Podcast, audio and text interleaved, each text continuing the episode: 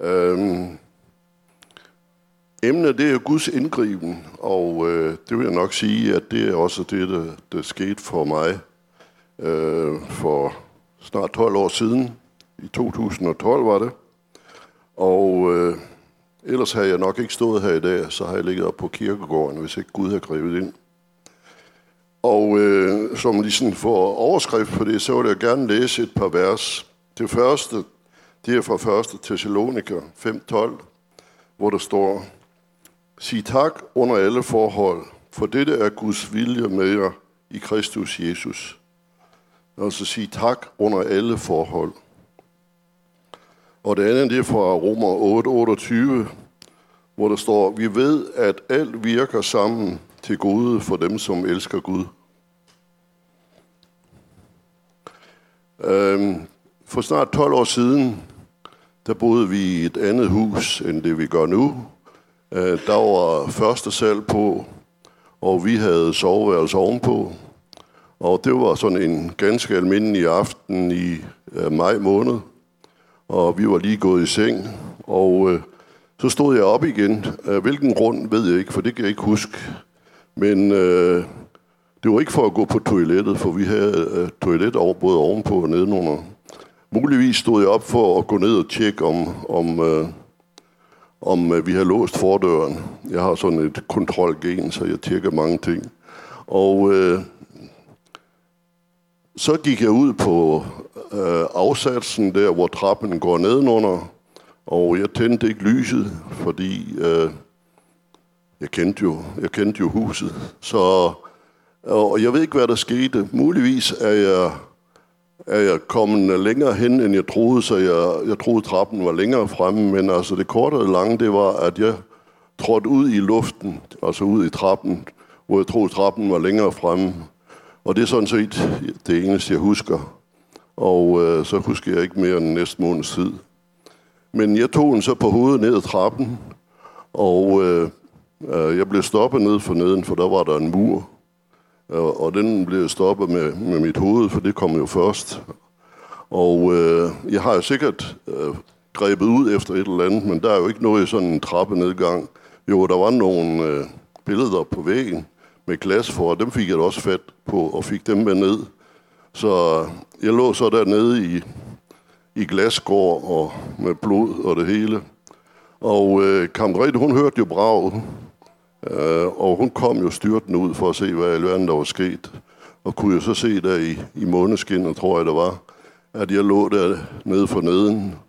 Og jeg kan ikke huske, øh, om, om hun har fortalt, og jeg, klage, jeg klagede mig vist lidt, men øh, det var nok ikke så sært. Men øh, så er det jo godt at have en, at være gift med en kone, der, der hurtigt reagerende og kan holde hovedet koldt.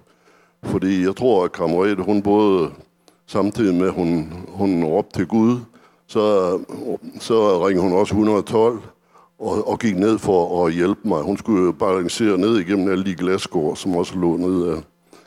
Øh, og øh, og hun prøvede at hjælpe mig lidt, fordi jeg lå sådan lidt sammenbredet dernede. Men øh, jeg kom i hvert fald på hospitalet, og øh, jeg kom først til Slagelse, og øh, de forsøgte jo at se, hvad, jeg, hvad de kunne gøre. Øh, og de kunne jo godt se, at det så ikke godt ud. Så de øh, lærer... Jeg havde, også, jeg havde jo brækket begge arme også på vej ned flere steder. Og øh, de lagde mig lidt i gips og gav mig nakkekrav på forskellige ting. Og, og så opgav de ellers, og så jeg måtte ind på, på traumacenteret på Rigshospitalet. Og der blev jeg så kørt ind. Og øh, noget af det vil kammerate fortælle om bagefter, fordi det, det oplevede jeg ikke ret meget af. Og øh, som jeg sagde, den næste måned oplevede jeg ikke rigtigt, fordi jeg inde på Rigshospitalet blev også øh, lagt i kunstig koma. Det gør man nogle gange, når man er kommet alvorligt til skade. Så øh, det kan jeg ikke huske så meget af.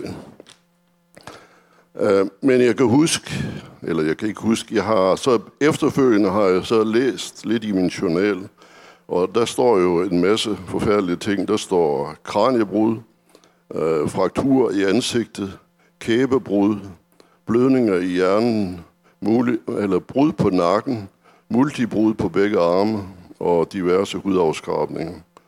Uh, så det var jo ikke, det var ikke særlig godt. Øh, og tit, når man, man hører om den slags ulykke, så tænker man, at det er også forfærdeligt for den stakkels mand. Øh, men jeg tænker tit på, at jeg tror tit, man skal tænke mere på, på, øh, på dem, der er omkring personen, altså de pårørende. Fordi når man bliver udsat for sådan noget, så får man jo en masse smertestillende, og ja, selvfølgelig er der noget ubehag senere, når man begynder at komme til sig selv, og smerte og operationer. Men alligevel, øh, man får smertestillende, men de pårørende, de får ingen smertestillende. De må leve med alle de ting, de, de går igennem, og på, på afstand. Og det er noget med at stå og vente på, at hvad siger lægerne nu? Er det bedre i dag, eller hvad sker der? Og øh, det kan jeg godt forestille mig, det er en, en stor belastning. Um, jo, jeg, jeg ligger så inde på Rigshospitalet der, og øh, bliver så øh, på et tidspunkt overført til, øh, da de sådan har fået mig lappet nogenlunde sammen, bliver så overført til øh, øh, intensiv på, hvad hedder det, neuromedicinsk hedder det ikke det? Tror jeg, tror jeg nok.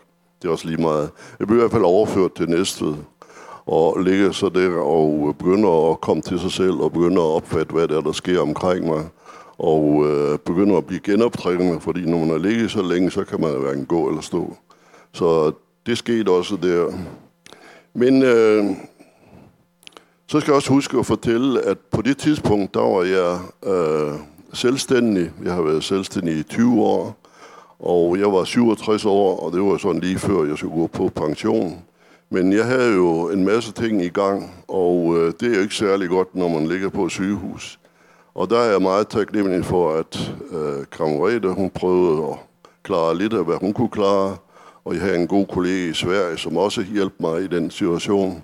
Og så havde jeg ikke mindst René, som øh, på det tidspunkt, der havde vi kontor ved siden af hinanden nede på Magle Og øh, René var også meget hjælpsom øh, og klarede nogle ting. Så det gik. Øh, det gode ved det, det var jo også, at det var lige før sommerferien, hvor der ikke sker så meget, så, så det hjalp også på det. Øhm, jo, så skal jeg også lige sige, at, at i den situation, der, jeg, jeg troede, det var mig, der har fået det at vide, Min kammerat siger, at det var så hende, der har fået det at vide. Men lægerne har så sagt på et tidspunkt, at de ligesom spurgt ind til, hvordan boede vi? Boede vi i hus og have i have og alt sådan noget? Og det har vi jo, og vi har hæk, og der skal klippes.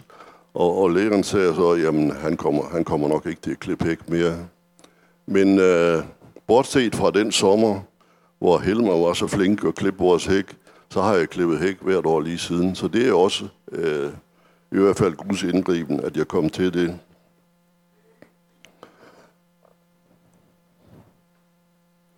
Øhm, tilbage til indlægningsverset, sig tak under alle forhold. Og nu er det ikke sådan, jeg mener, at man skal sige tak, fordi man falder ned af en trappe. Men jeg tror, i den situation, der er det vigtigt, at man også kan sige tak, fordi at Gud griber ind, at Gud er med i alle de her ting, der sker. Øh, jeg tænker ikke mindst på øh, den situation, vi var i, også rent økonomisk, fordi lige pludselig så er der jo ingen indtægt, når man ikke øh, kan lave noget. Når man er selvstændig, så er det afhængigt af, at man laver noget, og hver måned kommer der nogle penge på kontoen. Og øh, e, e, efterfølgende, så øh, jeg arbejdede indtil jeg var 70. Og i de øh, tre sidste år der, det var faktisk nogle af de bedste år, øh, vi har haft, øh, eller jeg har haft som selvstændig. Så Gud kan også selv i sådan en situation, kan Gud velsigne, selvom om det så umuligt ud. Øh,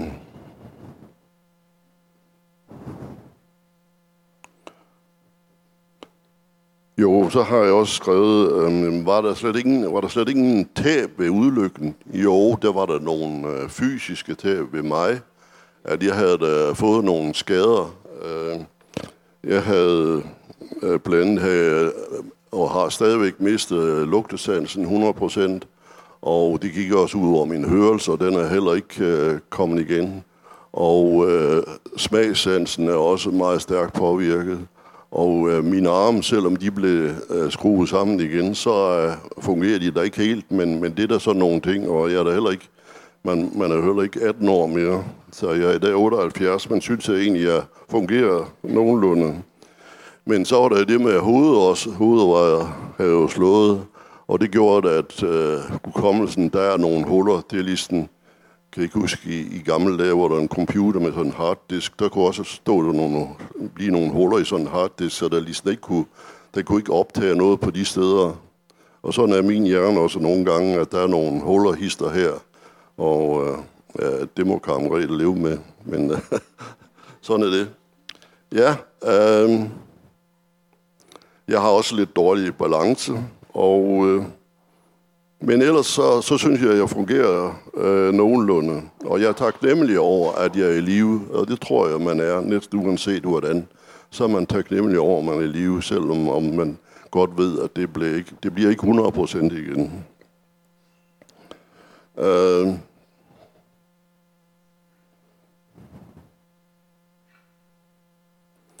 Jo, så, der, så tror jeg også, der, der skete jo også noget, at når man øh, får sådan en tur, og øh, det går ud over hjernen, og man får en masse øh, smertestillende medicin.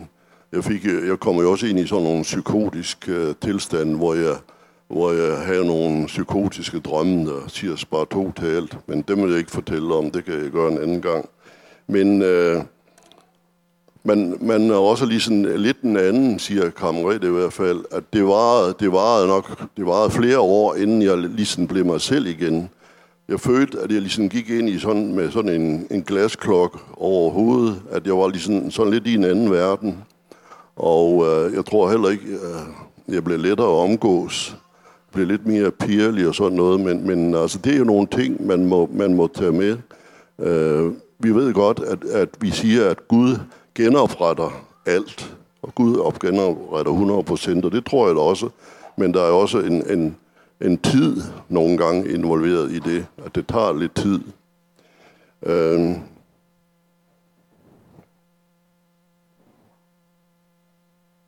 Ja. Øh, men jeg tror, at jeg vil sige, at jeg er taknemmelig for, at, at jeg var igennem det, fordi jeg forstår også nogle gange mennesker bedre, der bliver udsat for noget voldsomt. Man kan lidt bedre forstå, hvad det, hvad det er, der sker for folk. Så det er også en af, af tingene, man, man kan lære af det. Og så skal man selvfølgelig lære, at man skal tænde lyset, hvis man går ned ad trapper. Men øh, det, sådan er det jo. Men jeg tror, jeg vil øh, give mikrofonen til kammerete, fordi kammerete, hun var jo oplevede jo mere af de ting, der skete, mens jeg lå på langs og kiggede op i loftet. Så du får ordet.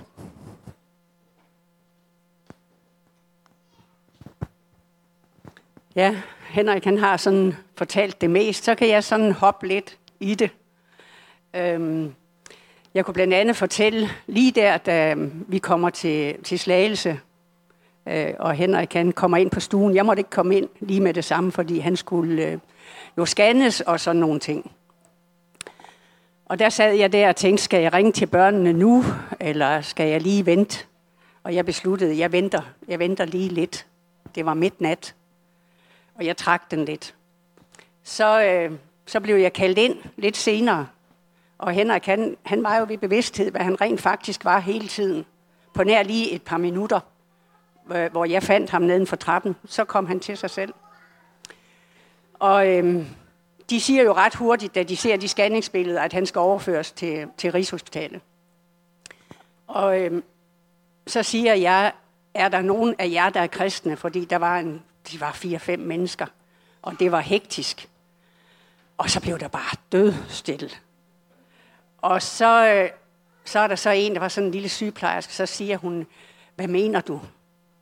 Så siger jeg, at jeg tænker, at jeg vil rigtig gerne, at vi kunne bede for min mand. Og hvis nogen af jer er kristne, så kunne I måske bede med. Og så blev der stille igen. Og så, øh, så er det faktisk den samme sygeplejerske, der reagerer og siger, jamen ved du hvad, hvis nu du beder, så beder vi med.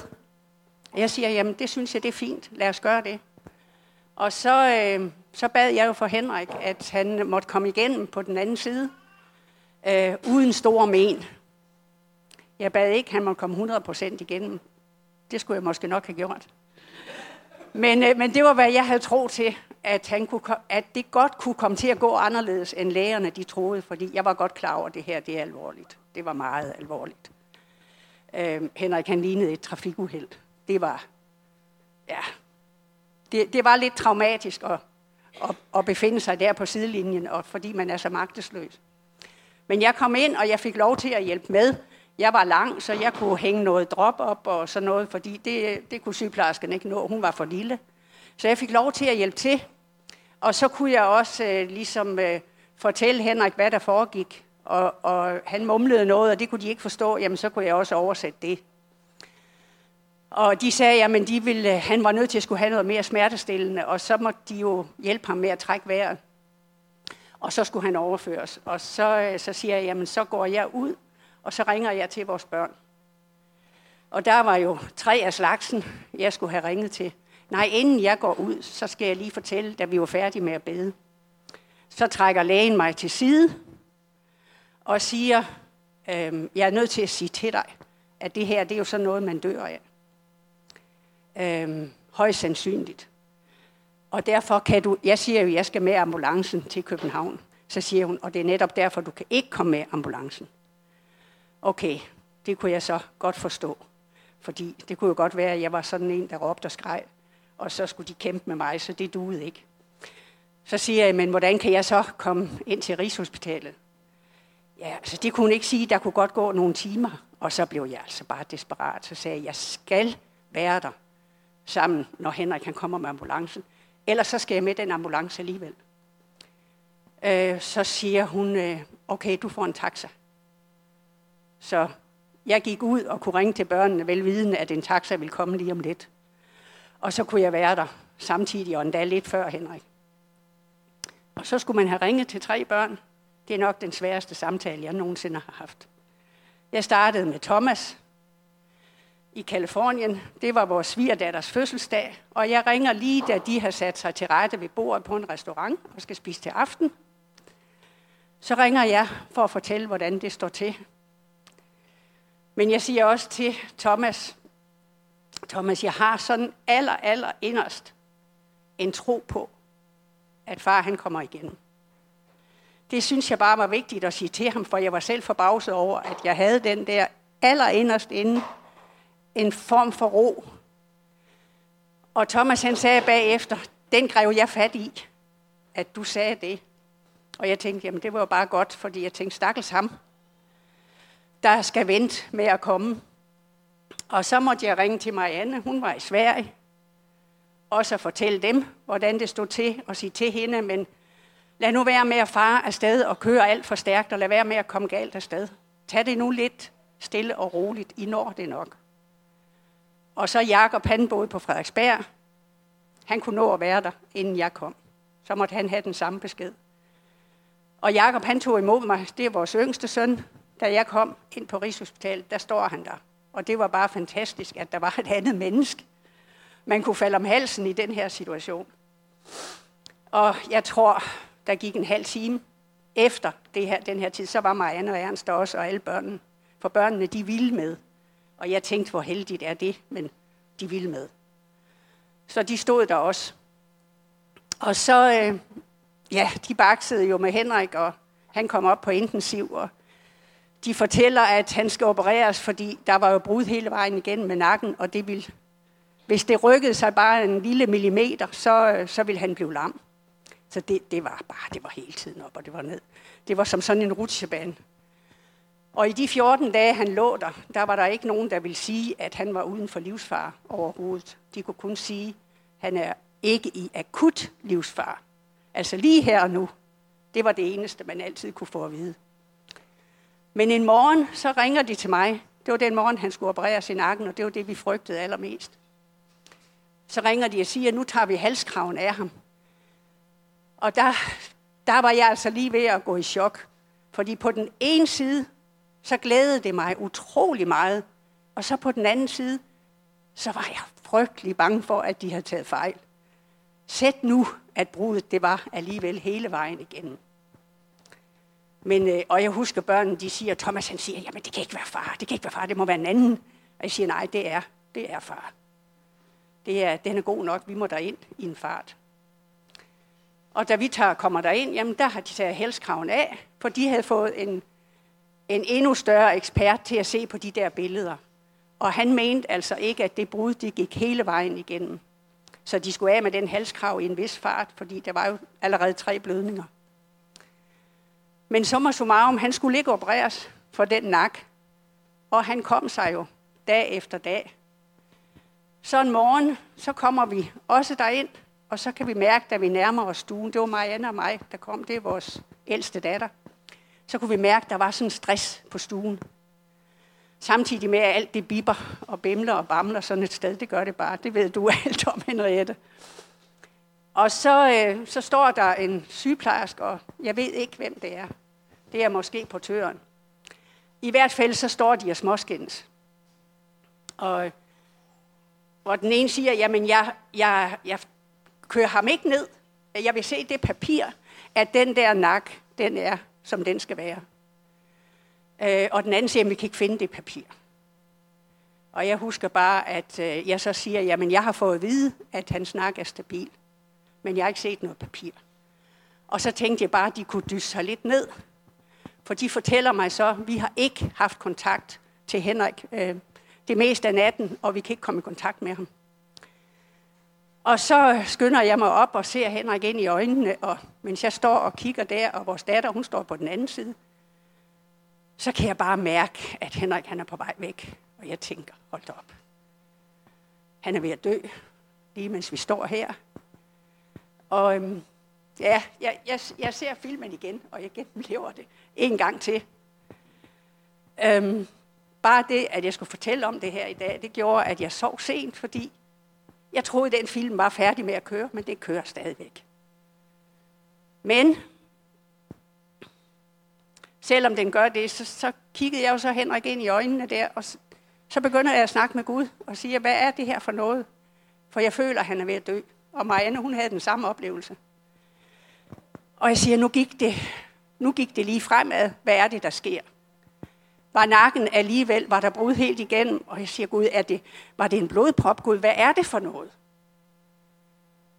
Marianne, hun har en anden oplevelse af det. Hun siger, mor, du begyndte at snakke i to- tale i tunger.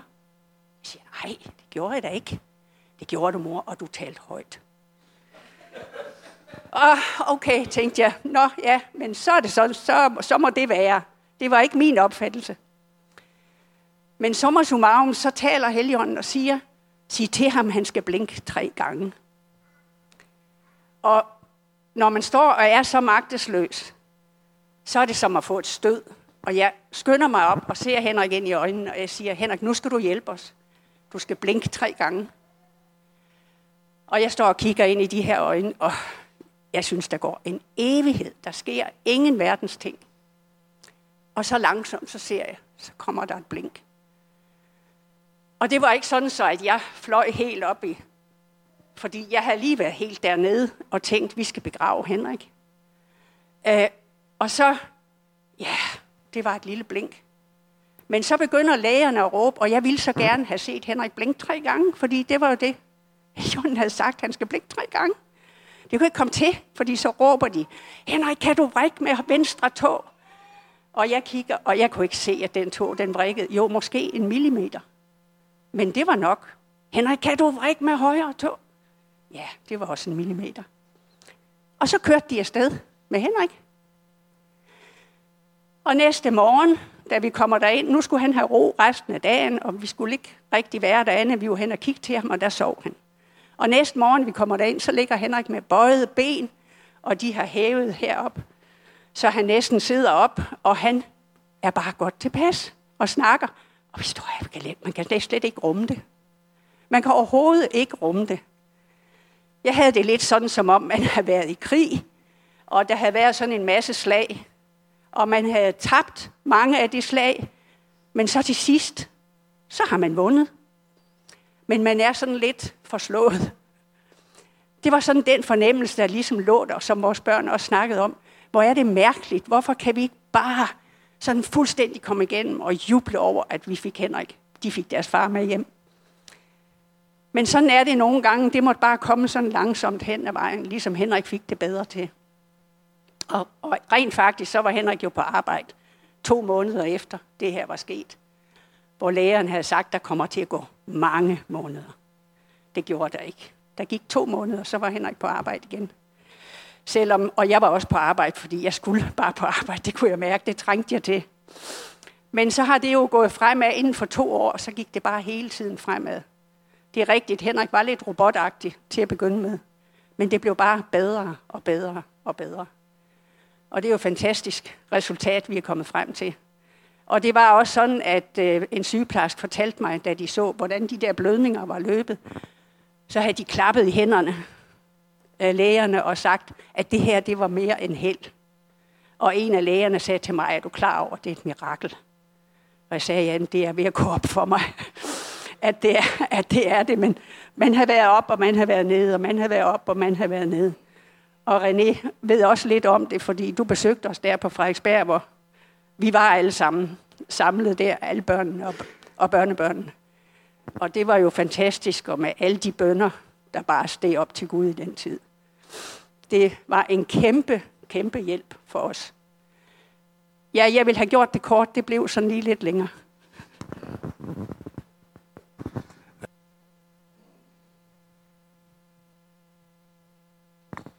Sådan der. Jeg håber, I kan tåle lidt mere. Fantastisk vidensbyrd, var det ikke? Det er sådan et, der giver tårer i øjenkrogene. Faktisk så hvad hedder det, kom jeg så at tænke på, at hvad hedder det, vores genbo hjemme på vejen, for jeg kan huske, hvor mange år siden det er, fem år siden, der øh, deres knægt var blevet student og kørte på sin studentervogn og satte sig op i bagkanten op på hjørnet af den her studentervogn. Uden for næste, der faldt han af med 60 km i timen og, hvad hedder det, og fik det samme hovedtraume og lå i koma. Og vi snakkede jo med vores genbo. Og så hentede vi faktisk Henrik Kammerat ind. Og de sad og spurgte, jeg snakkede med en time, tror jeg ikke, eller mere. Hvad sker der? Hvordan er der? Kommer vores dreng? Kommer han til at overleve? Så der fik jeres vidensbyrd. De taler stadigvæk om jer. Og siger, hvad det er dem der, der kommer og fortalt om, hvordan det var. Når vi ser guddommelig indgriben, hvad tænker I så? Jeg tænker lige, I skulle lidt på hernede. Hvad tænker I så? Hvad siger I? Kom med nogle ord. Der Gud griber ind. Kan du få det til at skrive, Martin, Markus, eller hvad? Ja. Jeg har givet Markus nogle store opgaver i dag. Han skal gøre sig moden til det der arbejde dernede. Hvad? Mirakler? Altså, han skal lige have med hernede. Mirakler? Ja. Ja, Gud har også et fantastisk vidensbyrd. Også om andre ting. Bilulykker og mange ting. Hun har også taget ned ad en trappe, så vidt jeg ved. ja. Det Pinsekirken, ja. Ja. Godt. Tak Gud. Hvem er så herude herovre? Er det kommet op, alt det, der er blevet sagt? Overnaturligt? Forvandling? Chance? Nyt liv? Kan du følge med, Markus? Øjeblik, langsomt. Chance?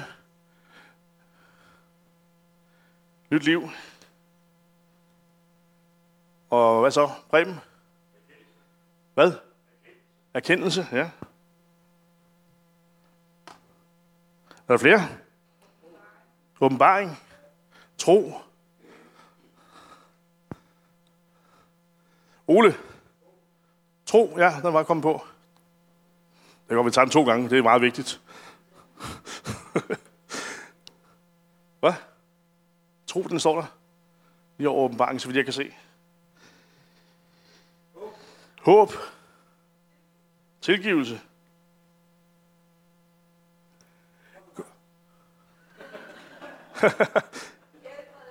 Helbredelse. Den troede jeg var kommet som den første. Ja. Hvad? Kærlighed. Ja, se. Nu nærmer vi os noget af det, jeg vil tale om i dag.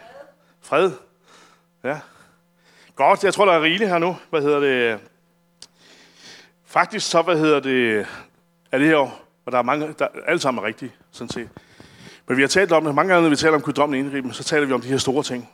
Vi taler om miraklerne, vi taler om øh, det Gud gjorde, og vi får de her store glimt i vores liv, som vi har hørt om her, vidensbyrd her i dag fra Henrik Kammerete, som er fantastisk Jeg ved, at Gudrun har kunnet fortalt næsten samme historie. Godt. Øh, jeg skal prøve at skynde mig. Jeg kan se, at tiden den skrider. Øh, jeg har et par bibelvers, jeg gerne lige vil læse op for jer. Hvis du kan komme videre i den der powerpoint der. Jeg skal lige se, for jeg tror, at jeg kommer til at skrive den forkerte rækkefølge på PowerPoint i forhold til det, jeg har. Missionsforfatningen, den kender I. Hvad hedder det? Og den slutter med at husk, jeg er, ind, jeg er hos jer ind til verdens ende. Og så har jeg to bibelvers mere, vi lige skal have læst op også. Der står i Johannes 4:16. Og vi har oplevet og tror på den kærlighed, som Gud har vist imod os. Gud er kærlig, og de, der lever i kærlighed, lever med Gud, og Gud lever i dem. Og Paulus han beder i øh, Romerne 15:33, der beder han, nu beder jeg Gud om, som er den, der giver os fred i hjertet, vil være med jer alle. Og guddommelig indgriben. Vi har hørt om nogle fantastiske vidensbyrd.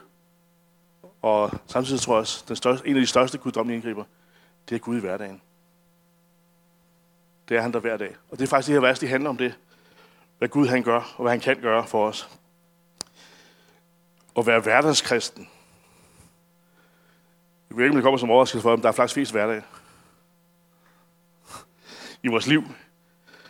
Og det er derfor vigtigt, at vi trives med den hverdag, vi har. Og livet som hverdagskristen handler ikke om at leve op til den bedste udgave af os selv hver eneste dag. Selvom det er faktisk det, som vores omlæggende samfund det langt hen begynder at gøre. Med 12 piger og alle de her ting. Perfektionister, perfektionistisk. Vi skal være perfekte, og vi skal se godt ud, og vi skal have en rigtig størrelse, som selv, selv, selvfølgelig er rund. det handler om det fokus, vi har. Det handler ikke om, at vi skal være den bedste udgave af os selv. Men hvor finder vi egentlig den egentlige mening med vores liv og vores hverdag? Vi har brug for at lære Gud og hans vilje at kende.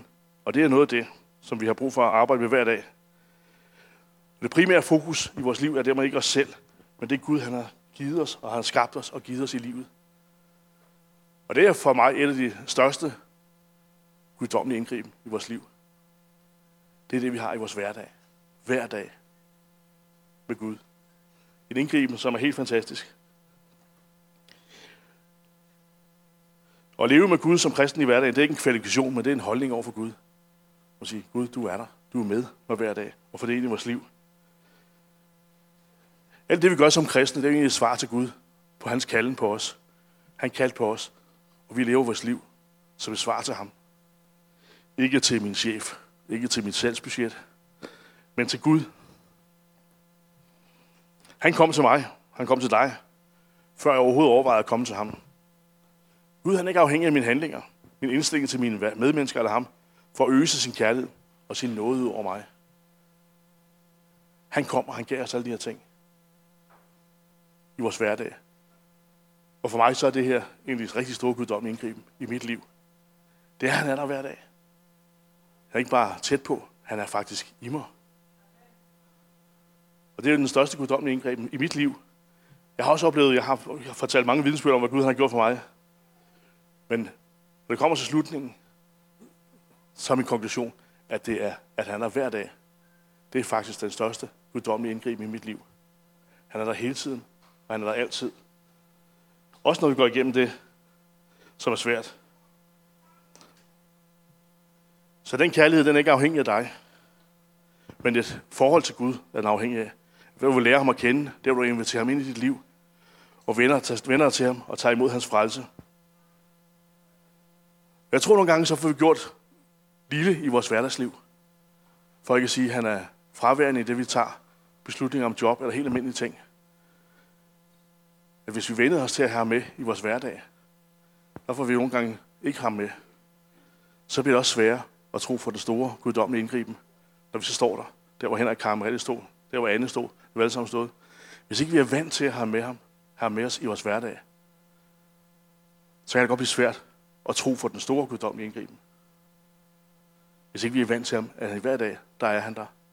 Og han lige giver initiativ til en lille samtale med kollegaen, og han lige gør det, eller han lige redder det dårlige humør den dag. Helt ned på det hverdags kristendommen. Og sagde, der er flest hverdage. Der skal vi have med. Og hvis ikke vi har med det, så bliver han sådan en, måske en lidt for lille og magtesløs størrelse i vores hverdag. Hvordan kan vi tro på, at han hjælper os, når det virkelig gælder, hvis ikke vi har ham med i vores hverdag? Så kan han hver dag. Tror på, at han griber ind hver dag i vores liv. At han fylder os med glæde. Han fylder os med kærlighed. Dem havde vi på. Også op. Nu de store ting. Tænk Gud ind i hele livet. En tro, som er Gud med alle sammenhænge. Lige fra bønden for de syge, familiemedlem, lovsangen, samtalen hen over frokostet, hovedsporet. At vi har Gud med i vores hverdag. Magnus Malm, hvor mange kender ham? Jeg kan ikke sige, at jeg kender ham, men øh, så vidt jeg ved, så han, øh, har han sådan, øh, hvor man kan tage på retræte op i Sverige. Det ved ikke, om han stadigvæk har et sted. Ved det, og han er sådan en, en fyr, der tænker, jeg kan jo godt, jeg ved ikke, om man må tillade at kalde ham kristen filosof, nutidens, han er i hvert fald en af dem. Øh, jeg har taget citat med, ham, med fra ham, jeg faldt over. Det skulle også gerne komme herop. Åh, det, der, det, det, det skal lige komme til sidst. Jeg har ikke fået det citat. Prøv lige at tage om det. Um, Nå, du er bare for hurtig. Nej, jeg kan simpelthen ikke læse det dernede. Ja, deroppe kan jeg også godt Han siger, det er ikke den kritiserede tro, som vi oplever ude i vores hverdag, der sekulariserer os. Men det er den ikke praktiserede tro. Det er den bøn, jeg ikke beder. Det er de bibeltekster, jeg ikke vender tilbage til. Jeg har bibeltekster, som jeg har lært udenad. Til nu er der ikke nogen fordømmelse mere. I dem af Jesus Kristus og en masse andre. Som jeg bruger i min hverdag. Jeg siger, det her, hvis der er nogen, der kommer i en eller anden møg på mig, siger bare, der er ingen fordømmelse mere for mig. Fordi jeg er i Jesus Kristus. Jeg bruger Guds ord. Jeg vender tilbage til teksterne. Og i et citat, så tager en kommer her, den er Simon, det er fra Simon den her. Den gudstjeneste, du ikke deltager i. Nej, det vil jeg også gerne ved. Og de områder, og jeg har tilføjet et lille dit, din hernede, ikke? og de alle de områder i din verden, din, din verden, der undtages fra det kristne perspektiv. At vi har Gud med hver dag. I hverdagen. Det er guddommelig indgriben. Og han får lov bare at være der. Tæt på og nær ved. Hele tiden. Så lad Gud gribe ind i din hverdag. Jeg tror, jeg havde det op. Hver dag. Den har jeg selv fundet på. Den må du godt notere. Jeg ved, Daniel han noterer sådan gode sætninger. Den, den, den må du godt notere ned, Daniel. så hvad hedder det? Og så kommer lige det sidste vers her, inden vi skal se en lille video. Og det er sådan et meget kendt vers også. Desuden kommer helgen os til hjælp i vores magtesløshed, for vi ved ikke, hvordan vi bedst kan bede til Gud. Men Gud i os, ånden træder til og beder med dybe suk, som ikke kan udtrykkes i ord. Gud kender det inderste i hjertet, og ved, hvordan Helligånd, ved hvad Helligånden har i tanke. For ånden beder inderligt på vores vegne og efter Guds vilje. Og vi ved, at Gud kan få det bedste ud af alting, når det gælder dem, der elsker ham. Og det er jo fantastiske. Jeg bruger selv meget betunger. Og ikke så meget mere, da jeg var en grøn sælger, der fik jeg dørskræk nogle gange. Og skulle ind ad døren. Og igen, ind og præstere. Og hvis, hvis ikke jeg kom ud med ordre, så skulle jeg nok finde en anden job. Og så bad jeg simpelthen bare i tunge. Og så kunne jeg gå ind igennem døren. Fordi Gud han var med mig. Og han vidste lige nøjagtigt, hvad jeg havde behov for at bede lige deroppe, ikke? før jeg skulle gå ind igennem den dør derovre, som var så svært at gå ind igennem. Og så løste han det, fordi han vidste, hvad der skulle bedes om. Og for at tale om, hvad hedder det, guddommelig indgriben, vi skal have noget bønssektion her bagefter. Øh, så kommer der trummen på, det er godt. Så, hvad hedder det, øh, højskolen i Kolding, det ved jeg godt, den hedder Axe Academy. Øh, der har Gud simpelthen også talt fordi øh, han vidste, at jeg lige har, jeg har delt nu ret hurtigt, om at Gud han er der hver dag. At øh, de har simpelthen haft fem sangskriver derovre, som simpelthen har skrevet en sang, der handler om det. Og den kom i torsdags. Så det var efter, jeg sådan havde tænkt, hold op, det var da utroligt, at øh, Gud han lige inspirerede dem til at skrive en sang, jeg kunne bruge i dag. Der er et lille vidensbyrd inde, hvor de lige fortæller om, at det her, hvordan den hedder Always There, der er, altså er der hele tiden. Faktisk en fantastisk sang. Men han har lige lagt om at sige, at det er ikke de der store, altid 180 graders vendinger, men at Gud, du er her lige nu, du er her her, og du er her hele tiden. Der er et lille vidensbyrd ind, og så kommer sangen, og så bagefter så skal vi bruge tiden på at bede sammen. Jeg håber, I er med på at, at se en lille video. Stærk tekst. God sang. Vi skal nu øh, slutte det her af med at bede for os hver især. Vi skal huske, at vi rejse os op, så, så vi ikke er bundet af at sidde ned på en stol. At vi øh, må godt gå rundt at vi kan bede højt, vi kan bede for hinanden, vi kan få forbøn, om, at Gud han griber ind. Gud griber ind i vores liv, hvis vi har brug for det. At Gud han står brug for en åbenbaring, at Guds fred, Guds kærlighed er der hver dag. Så jeg vil gerne bede med dig for det. Bed med hinanden nede på stolene. Bed for os som menighed at Gud dommer angriben. Det bliver noget, der er hverdag. At det bliver vores hverdags kristendom. Om det er på arbejdspladsen, det her i menigheden, andre steder. At Gud, han griber ind. Han gør det i det helt små. Han gør det i de store ting, som vi hørte i dag. Når livet er lige ved at slutte, så vender han det rundt. Men han gør det også hver dag, bare ved at være der. Og jeg tror, vi har brug for som menighed at tage det til os. Du har brug for at tage det til dig. Jeg har brug for at tage det til mig. At det her det er noget, der er der hver dag. Så gå rundt, gør vi vel, læg hænderne på hinanden, bed for hinanden. Bed for menighed. Og hvis nogen har brug for forbøn, så tror jeg både øh, ja, Simon og dem, der ellers har med til at bede, så kom herop foran, så beder vi for dig, at det her det bliver noget, som bliver vores hverdag. Guddommen indgribe. At det ikke bare bliver glemt hver 10 år, eller hver tredje måned, men vi får lov at se Gud glimte i vores liv. Der, der, der. Og vi skal også bede om, at Gud han giver os øjne at se med, så vi ser, når Gud glimter. Når han berører os, når han er der. Så øh, jeg har ikke nogen plan for, om vi skal gøre det her. Jeg har håbet på et helligt kaos. At Guds hånd bare kommer og berører os på kryds og tværs. Så bevæger jeg lidt ud fra rækkerne. Så tager vi lige her, hvor lang tid nu det ligesom føles rigtigt. Og så kører der lidt lovsang her bagved, for så lovsangsgruppen de har fri, så de også kan være med. Og hvis nogen, der har nogle inspirationer, så kom herop med dem, så deler vi også dem. Så lad os gå i gang. Be højt, be med hinanden, be for hinanden. Be om, at Gud vil gøre det her i vores menighed, at det her det bliver vores hverdag, guddommelig indgriben.